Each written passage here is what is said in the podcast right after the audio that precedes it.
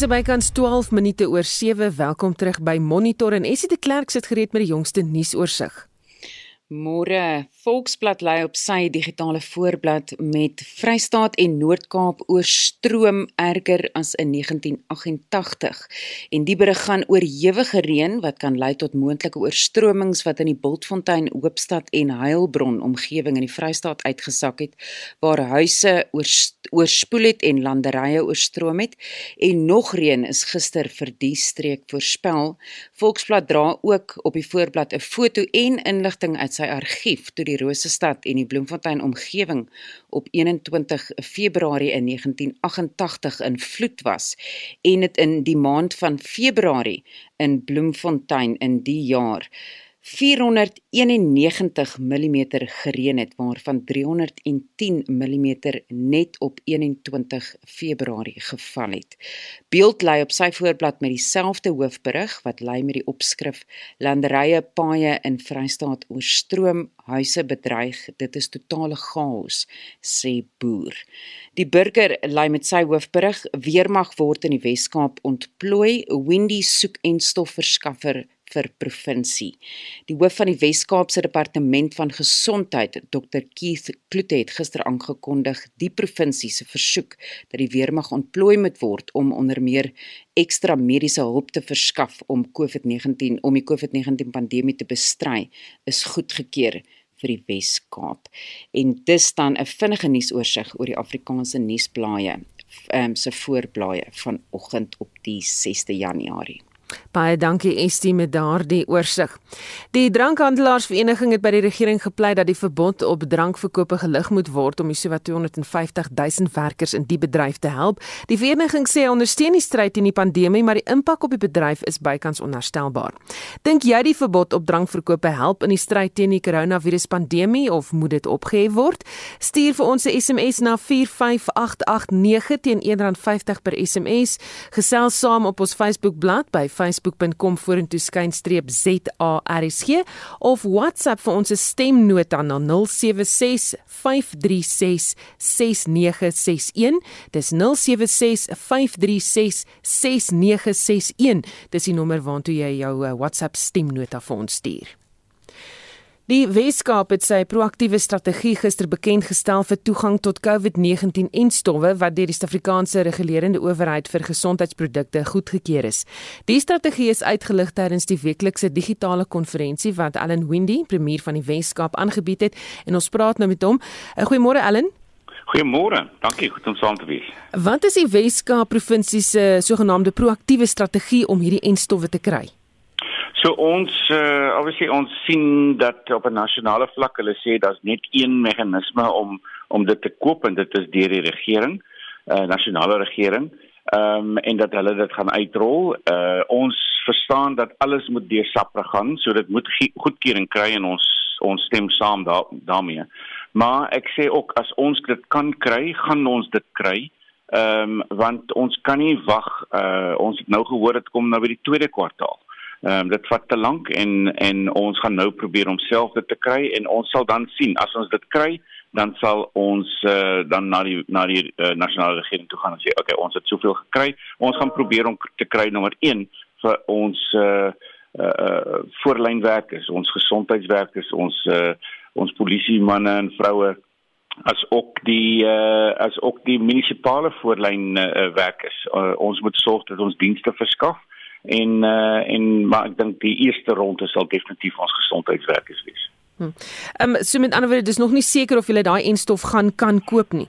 Nee, nog nie. Ehm um, ons is besig met 'n uh, eh, met 'n paar uh, oproepe oor die laaste paar dae en nog steeds oor die volgende dag of twee. Ons verstaan ook wie weermag word in die Wes-Kaap ontplooi. Het jy meer besonderhede?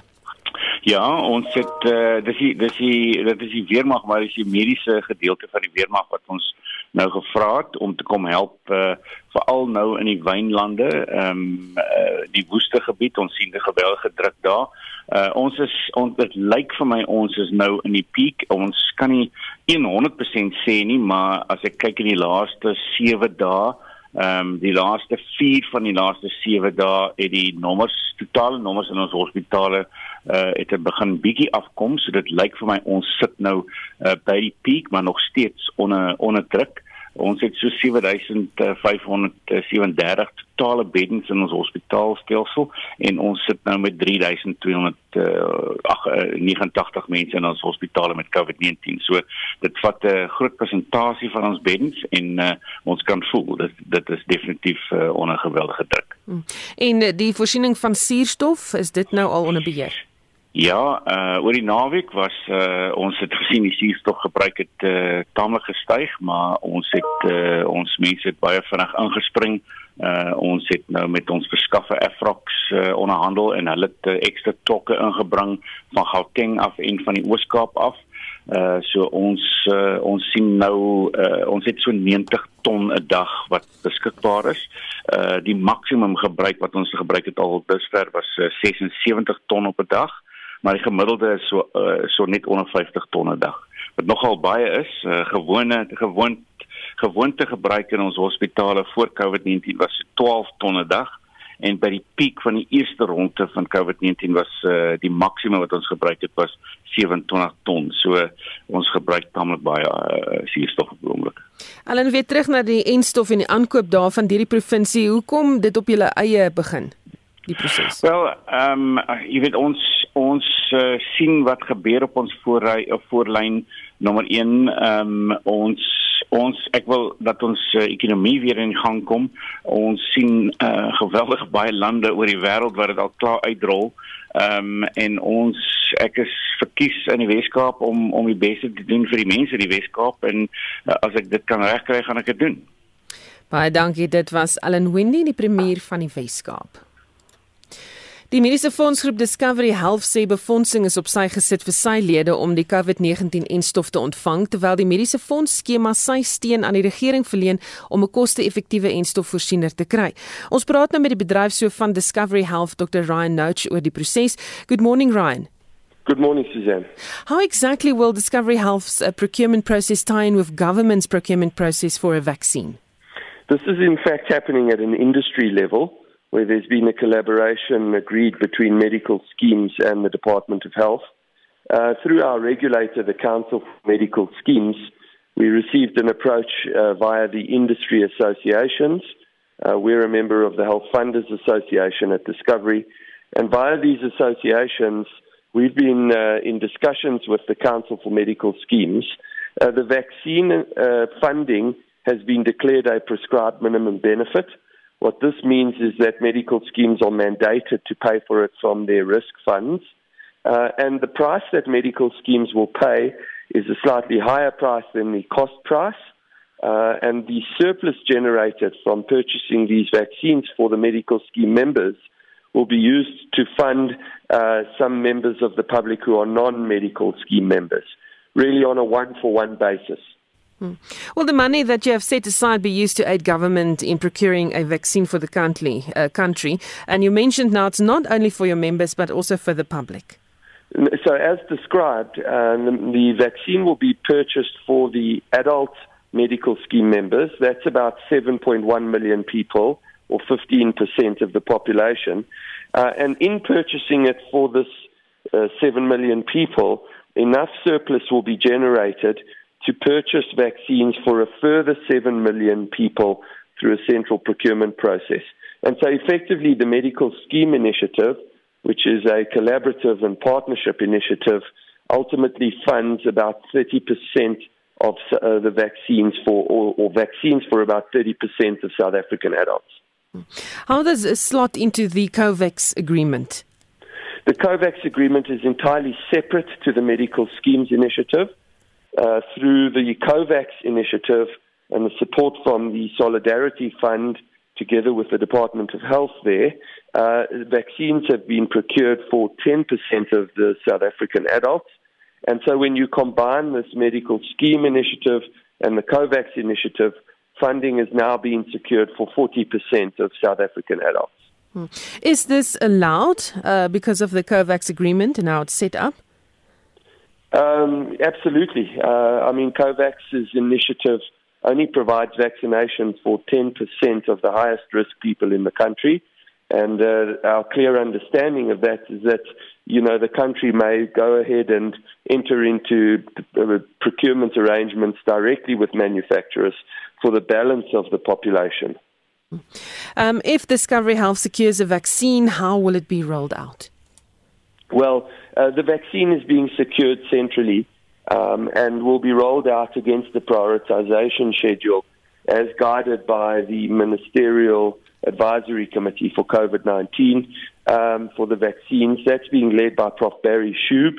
Uh, and as your previous speaker was saying, there's a very clear prioritization process which most countries across the world have been adopting um, and which has been recommended by COVAX and the World Health Organization.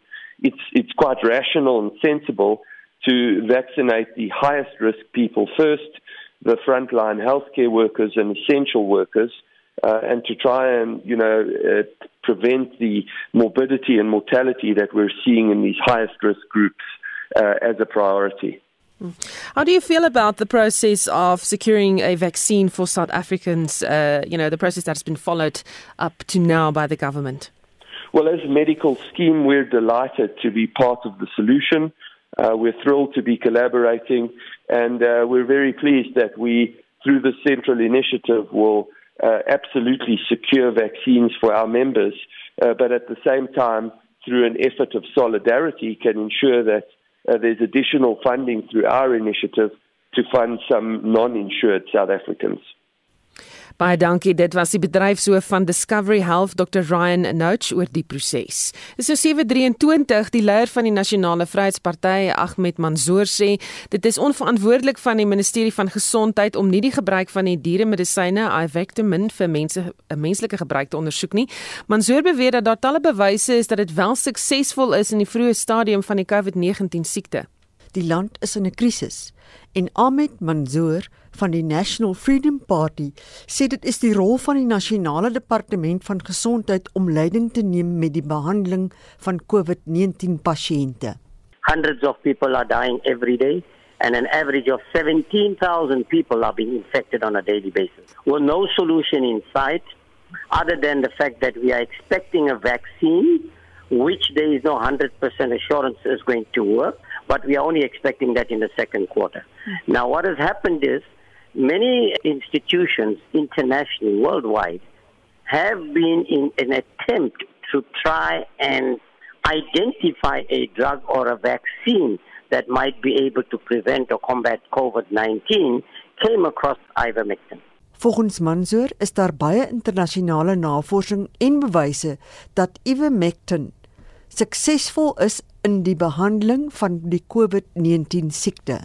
that having a crisis in South Africa, the National Department of Health ought to have taken note of the fact that there is a drug in circulation called ivermectin. They are aware of all the research that has been done internationally. They are aware of the positive outcomes of those things. Then, what is the next best thing to do in the absence of the vaccine is to introduce this or put in measures or at least interrogate this and do the necessary research to see whether this drug in fact is going to be able to assist. Maar die benadering tot dusver was om die gebruik van die geregistreerde middel vir diere vir mense in Suid-Afrika te kriminaliseer. Remember that the National Department of Health and SAPRA, which is the South African Health Products Regulatory Authority, have not said that this drug won't work. All they are saying there is no evidence that it will work for COVID 19. And I'm saying no. there is overwhelming evidence worldwide that this is working for COVID 19. Even in South Africa, even though it's unlawful, it has been prescribed. And everyone that has taken it has come out with positive results. Mansoor is ook lid van die parlementêre portefeulje komitee vir gesondheid en sê sy rol in hierdie posisie is 'n oorsigrol. Hy voel sterk dat die inisiatief van die departement van gesondheid behoort te kom. Now I've attempted to first of all secure a meeting because I'm a member of the portfolio committee. We're still waiting for confirmations on the meeting. Any day, one day lost means a few hundred people more are losing their lives. I've spoken to the National Department of Health who believes that this falls under SAPRA. And I'm saying yes and no. SAPRA might be independent but falls under the of the National Department of Health. They report to the minister, they're appointed by the minister. In 'n brief van Mansoor se prokureur aan die ministerie en departement van gesondheid as ook die president en uitvoerende hoof van die Suid-Afrikaanse Gesondheidsprodukte Owerhede SAPRA word hulle tot vandag tyd gegee voordat 'n dringende aansoek in die Hooggeregshof gebring word. Mitsi van der Merwe, SAK-nuus. Baie mense begin nou weer terugkeer Suid-Afrika toe van ons buurlande in daardie feesseisoen. Kort voor Kersfees was daar 'n groot opeenhoping van verkeer buite die Beitbrug grenspos waar tydens mense dae lank op die grens deurgebring het voordat hulle kon deurgaan. Die minister van Binnelandse Sake, Dr. Aaron Motsoaledi, het 'n kort ruk gelede aangekondig dat addisionele mannekrag na die grensposte ontplooi sal word om die druk te verlig en om te hoor hoe sake nou vorder by ons grensposte praat ons nou met die direkteur van Binnelandse Sake vir grensposte, Steven van Neel. Uh, Goeiemôre Steven. Goeiemôre Susan en goeiemôre aan julle staaf. Is daar al 'n groot toestroming van mense na die grense toe? Ja, dit kan bevestig Susan dat uh, hierdie instroming van mense al klaar op die 2de Januarie begin. Ehm um, en uh, jy is absoluut korrek om te sê dat uh, die minister van binnelandse sake het bekend gemaak dat daar uh, addisionele ontplooiings op ons nie noodwendig op ons grens uh, poste nie, maar ook op ons grenslyne is maar ek kan bevestig dat daar 'n groot hoeveelheid mense al teruggekeer het na Suid-Afrika. Die grootste probleem was by Beitbrug grenspos. Hoe staan sake daar? Wel, ek dink uh, die twee plekke of die twee grensposte waar ons 'n uh, eh, uh, uh, bietjie van uh, druk uh, ervaar is uh, Beitbrug as ook uh, Lebombo wat na Mozambique toe gaan.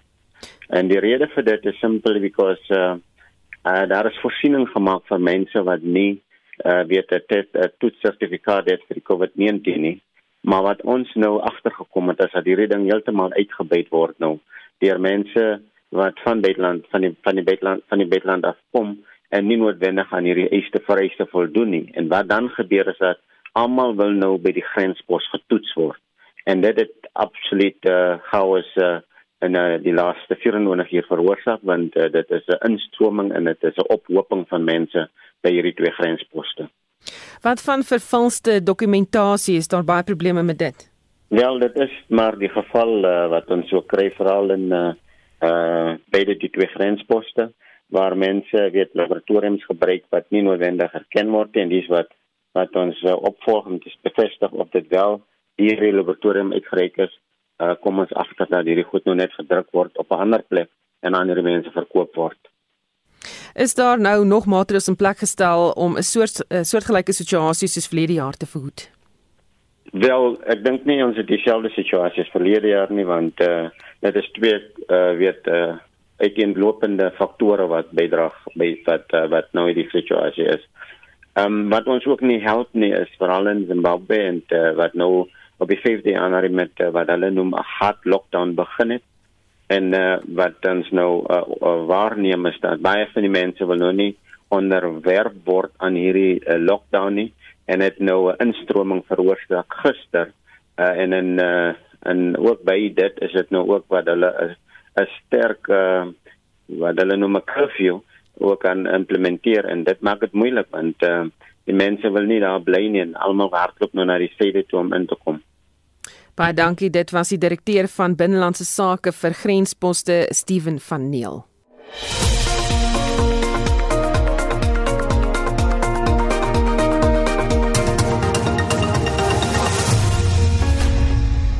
732 jy luister na Monitor en ek sien Melinda het geskryf op ons SMS lyn na aanleiding van die gesprek oor die grensposte. My kinders by die grens van Mosambiek in 'n lang ry gestaan, 17 km en 2 dae geneem om oor die grens te kom. Anders kind of ander kinders is nog daar en wag dat die rye korter word. Dankie dat jy laat weet het Melinda. Estie, wat anders sê luisteraars oor ons SMS vraag vanoggend? Susan Charlotte Botha laat weet oor ons SMS vraag of die verbod op drankverkope help in die stryd teen die koronavirus pandemie. En Charlotte sê dit help nie in die stryd nie. Dit laat mense in die bedryf net swaar kry. Hulle moet net die wette beter toepas en die aandklokreël strenger uitvoer. Iselda Fourie skryf ongelukkig dink ek drankverslaafdes wend hulle nou na dwelms vir 'n goedvol oomblik in hierdie stresvolle tyd. Martin Kreer sê die verbod op die drankverkope maak natuurlik 'n verskil. Dit hou hospitale se trauma-eenhede oop vir meer belangrike gevalle. En Faitjie Du Blanc sê die verbod is belaglik en sy sê verder Al wat floreer is die swart mark om die ekonomie verder af te breek, laat 'n mens wonder wat die uiteindelike plan is. Engela Cronje laat weet dit help niks want drank is nog vrylik te koop net teen 'n duurder prys. En mense het nou meer nabye kontak met mekaar want hulle koop drank uit mekaar se huise aan. As jy wil drink, sal jy drink.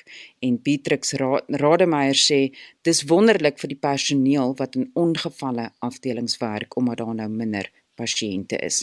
Laat weet ons wat jy dink. Stuur vir ons 'n SMS na 45889 teen R1.50 per SMS. Gesels saam op ons Facebookblad by facebook.com vorentoe skynstreep ZARSG of stuur vir ons 'n stemnota na 076 536 6961. Ek is net so voor 8 terug met nog van jou terugvoer. Baie dankie Estie. En dis nou tyd vir Shaun Jooste met die jongste sportnuus. Ons begin die verslag met cricketnuus. Suid-Afrika het skoonskip in hulle reeks teen Sri Lanka gemaak toe hulle die besoekers gister op dag 3 van die tweede en laaste toets op die Wanderers in Johannesburg met 10 paaltjies afgeronsel het. Sri Lanka was vir 211 uitgeboonder en het die Proteas met 'n teiken van 67 lopies gelos. Dean Elgar was die speler van die wedstryd vir sy 127 in die eerste beurt en ook speler van die reeks en hy het 253 lopies aangeteken. Rugby. Die Suid-Afrikaanse Rugby Unie het aangekondig dat Saterdag se Karibeker kragmeting op Nieuweland in Kaapstad tussen die WP en Haie kwart oor 2 sal afskop. Onthou ook gerus dat die leeu's en bulle mekaar vanmiddag 4uur op Emirates Airline Park in Johannesburg die stryd aan sê. Beide spanne is bekend gemaak en bevat groot name soos Janie Du Plessis, Willem Alberts en Elton Jantjies aan die leeu se kant en Trevor Nyakani, Marco van Staden en Dwayne Vermeulen aan die bulle se kant. Jantjies en Vermeulen is die twee kapteins. Die wedstryd sou verlede jaar op 26 Desember plaasvind, maar was weens die koronaviruspandemie uitgestel. Er is geen luisteraars op hoogte van gebeure. Sokker. In die Afrika Kampioenligga het Mamelodi Sundowns 3-1 teen Jwaneng Galaxy van Botswana en Kaizer Chiefs weg met 1-0 teen Betremo de Agosto van Angola geseëvier. Sundowns en Chiefs is ook nou deur na die groepsfase.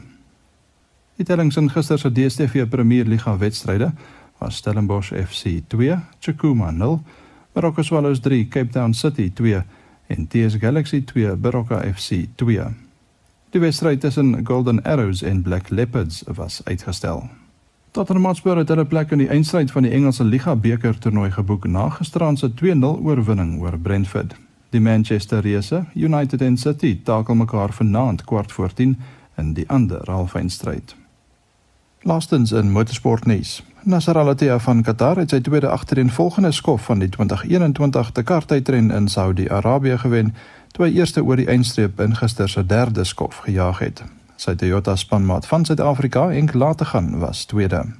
Die Fransman Stefan Peterhansel is steeds die algehele voorloper met Al-Attiyah net so oor die 5 minute agter hom. Later gaan is algeheel sewende. Brian Baragwanath is 20ste en Janiel de Villiers 24ste. Shaun Schuster, SAK Sport. Nou soos jy nou gehoor het, is die Dakar tydren in Saudi-Arabië aan die gang en deelnemers het gister deur die sogenaamde Empty Corner gejaag wat vir groot opwinding gesorg het. En vir die jongste praat ons nou met die motorsportkenner en redakteur van die Road Trip tydskrif Ferdi De Vos. Goeiemôre Ferdi. Ferdi is jy daar? Lyk vir my ek hoor vir Ferdi maar Ferdi hoor nie vir my nie. Kom kyk gou of ons hom kan terugkry. En uh, tot tyd terwyl ons uh, hom op die lyn het het die lyn geval dat ons net sien. Nee ons gaan hom gou-gou weer bel en uh, kyk of ons hom op die lyn kan kry 'n bietjie met ons te gesels oor wat by die Dakar tydren in Saudi-Arabië aan die gang is. En uh, deelnemers soos ek gesê het gister deur die empty corner gejaag wat bestaan uit groot duine soos gehoor het ook Ferdi gister gesê het. En uh, dit beïnvloed die uh, deelnemers se tye as hulle deur daai duine gaan en dit lyk vir my Ferdi is terug op die lyn. Ferdi is jy daar? Ek is hier so. Goeiemôre Susan. Maar goeiemôre Ferdi. Opwindend was daardie laaste skof. Absoluut ongelooflik. Kyk, daar's nou een naam wat nou in die motorsportwêreld bekend is en dit is Henk Lategan. Die jong geling van Suid-Afrika. Kyk, hy's daarom nie, nie onbekend in Suid-Afrika nie. Hy het al twee keer die veldren kampioenskap hier gewen vir die Toyota Gazoo span maar die feit dat hy gister in daardie traject, dit is 'n lang en 'n baie moeilike traject soos duidelik gewys. 2 minute 27 sekondes agter die voorste veldrenjaer in die wêreld kan eindig.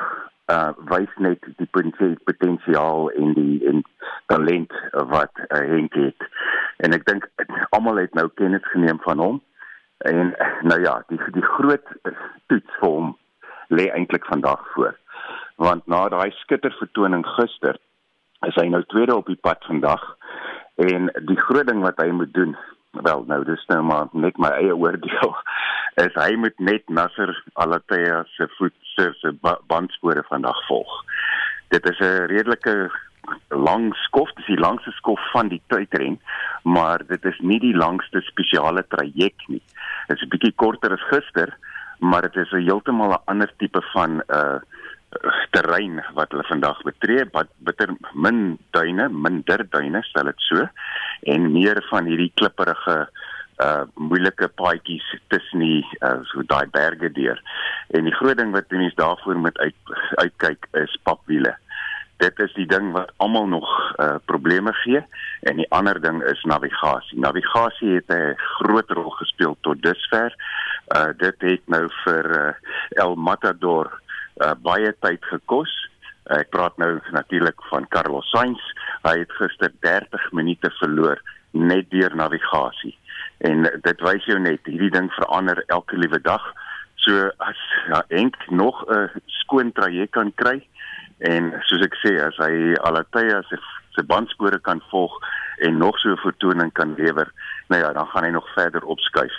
Sy vertoning gister het hom opgeskuif na 7de algeheel binne die top 10 en dit nou vir 'n uh, Dakar eerste, sy eerste Dakar waaraan hy deelneem, dit dit wil gedoen wees. So ja, Henk laat te gaan is op almal se lippe. Ons sal kyk hoe dit vandag gaan. Wat die res betref, Nasser Al-Attiyah het weer gewys hoekom hy so goed is. Hy is nou net 5 minute agter Stefan Petterhansel in die mini in die algehele uh, klassifikasie en mens kan verwag dat hy vandag weer gaan uithaal om te kyk of hy daardie gaping nog verder kan verklein in die uh, traject wat nou na Riyadh toe lei. Wat die res van die Toyota Gazoo span tref uh, betref, ja, uh Zeniel de Villiers het weer ongeluk gehad. Hy het 'n uh, 'n dryfas gebreek en dit het hom 'n nog 20 meer as 20 minute gekos en dit beteken dat hy vandag 23ste algeheel eers wegtrek. So dit was nie 'n goeie traject vir hom nie, maar met die Dakar draai dinge is jy eendag af, eendag is is 'n baie beter dag. So wie weet vandag kan miskien weer Sunil se dag wees.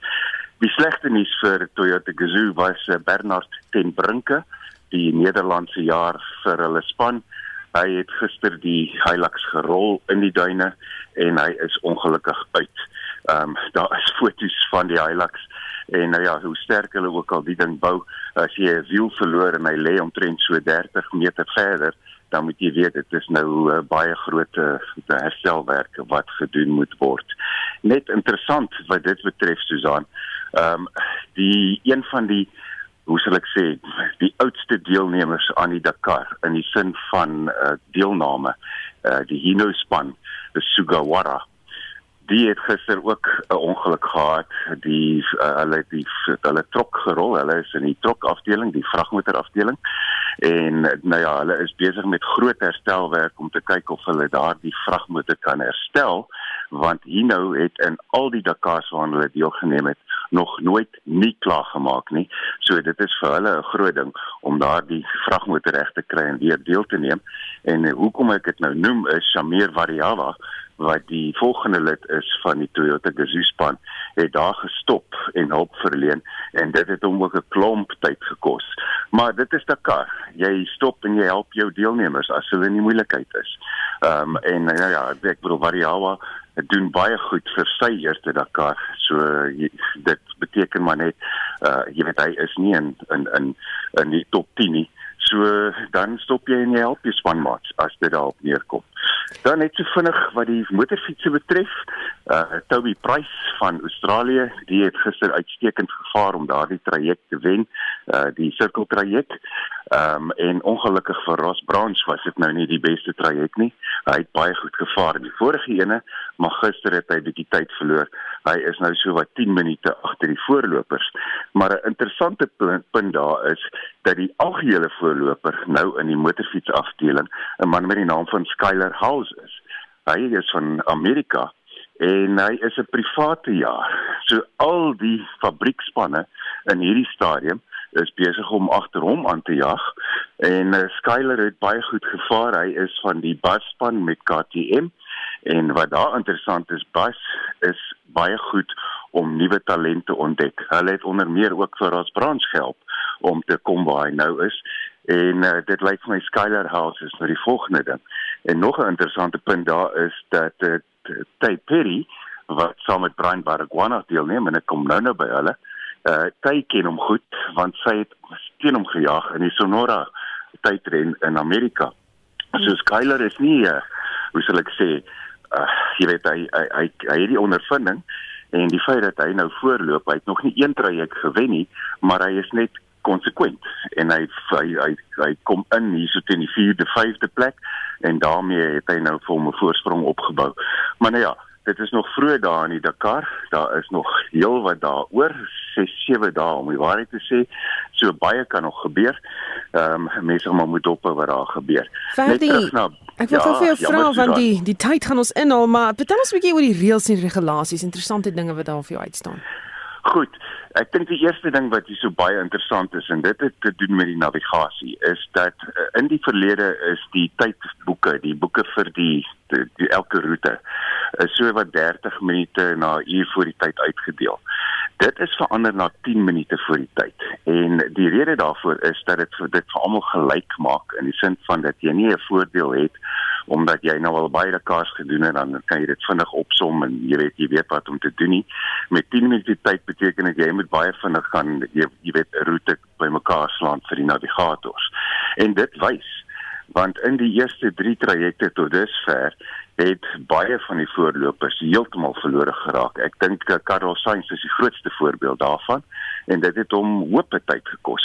Nou of dit nou 'n goeie ding of 'n slegte ding is, dit is dit is 'n dit is 'n argument of liewer se jy weet ons kan daai debat ander dag hê, maar die feit is net dit maak die speelveld gelyk en dit gee byvoorbeeld vir Henk en vir Brett Cummings het dit nou 'n voordeel gehad. Hulle het skoon gery, hulle het die hulle het die boek mooi gevolg, hulle het al die punte raak gery en uh, vinnig gedoen en kyk net daar daar is hulle tweede algeheel in daardie traject. Die ander dinge wat verander het veral met die motorfietsse is dat hulle het nou wat hulle noem 'n lugzakbaadjie dit is verpligtend.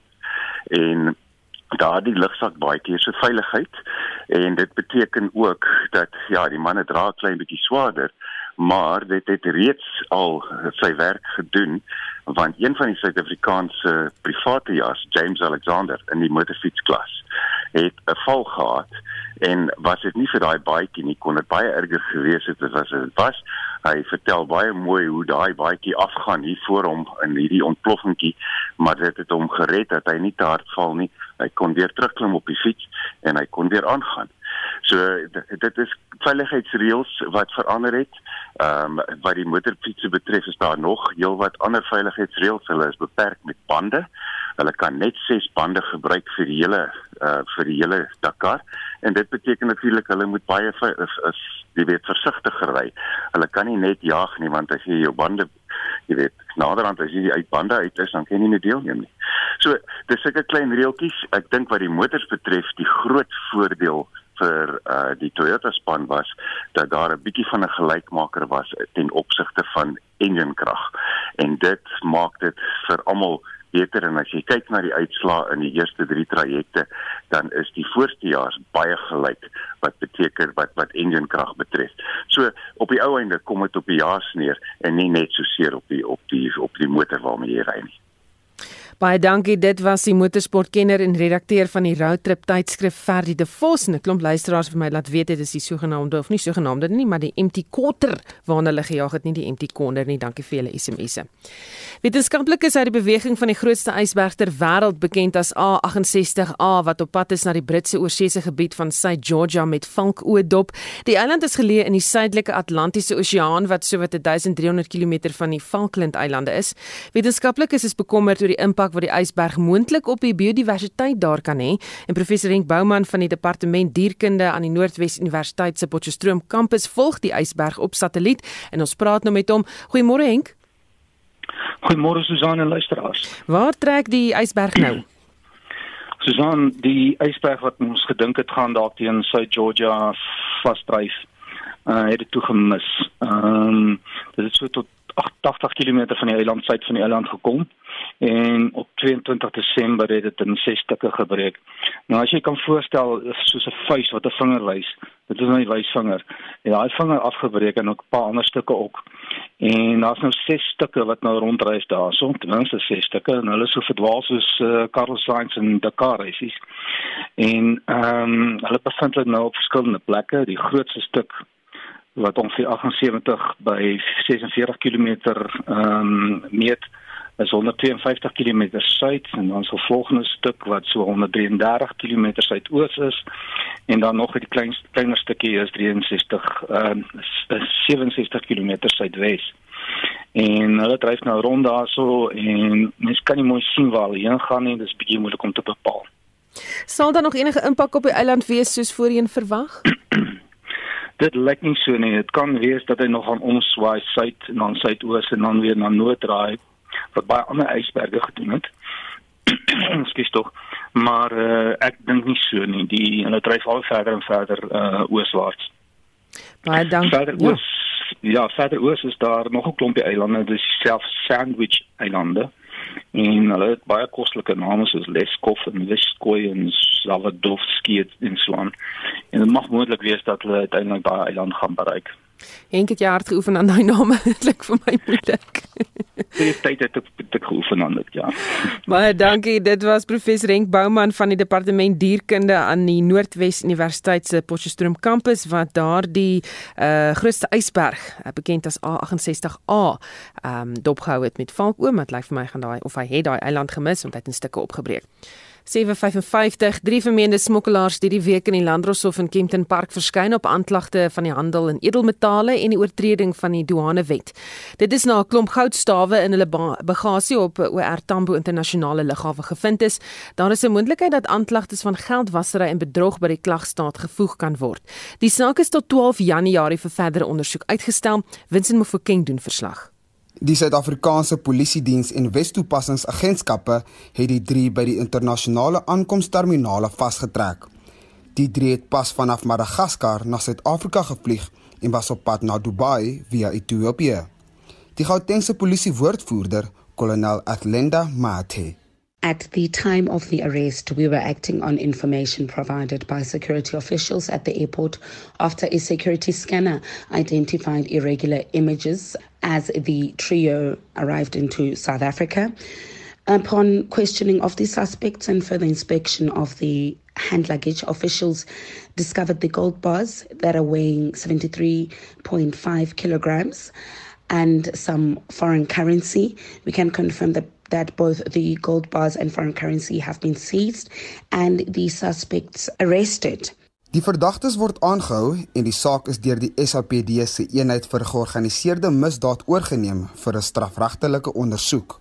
Investigations are also underway by the Hawks with the assistance of Interpol with authorities from various countries to determine the legitimacy of the certification papers as provided by the men and also to determine the country of origin where the gold was mined. Our focus will also move on to which country the gold was destined for. Dit was kolonel Athlenda Mathe, die Gautengse polisie woordvoerder. Ek is Vincent Mufokeng vir SAK. Estie, wat sê luisteraars oor die drankverbod? Susan Gertjie van Vieren sê dit is nie drank waar die probleem lê nie, dit is mense wat nie opgevoed en gedissiplineerd is nie en dis waar die probleem lê. Solank as wat daar nie aan mense se gedrag word gewerk word nie, sal daar altyd 'n probleem van vergrype wees. Gertjie sê die regering gryp na vinnige opsies, maar sodoende rig hulle skade aan aan die land. Stony Steenberger skryf vir ons dit help glad nie die verbod nou. Dit uh, net soos wat die lockdown ook nie die virus tyd nie. Daar was hoegenaamd geen verandering in die kurwe sedert ons weer in die inperking ingegaan het en drank verbied is nie. Dit help waarskynlik net die trauma eenhede se werk werkersklas. Elise van KwaZulu-Natal skryf: Ek is nie 'n drinker nie, maar die algehele verbod is 'n bietjie drasties. Drankverkope kan beperk word tot slegs 3 dae per week sodat die werkers in die bedryf nie heeltemal weerhou word om 'n geldjie te kan verdien nie. Gerardus Durant skryf: Dis tog elkeen se keuse en reg wat hulle wil doen. Ons kan nie mense se regte skend onder die vaandel van beskerming teen die virus nie. En Sam, Samuel Walters van Voelvlei Dam in Gouda laat weet, ek dink die drankverbod is belaglik en miljarde rande se belasting aan die staat gaan verlore. Dit terwyl COVID gevalle steeds toeneem. En laastens skryf Klot vir ons slegs laat slegs wynverkope toe. Ons moet ons plaaslike wynbedryf beskerm. Ek ondersteun die res van die drankverkope se beperkings. Baie dankie vir jou terugvoer vanoggend. En dit was monitor met waarnemende uitvoerende regisseur en vanoggend se redakteur Hendrik Martin. Ons produksieregisseur was Daitrin Godfrey. Ek is Susan Paxton. Geniet jou dag.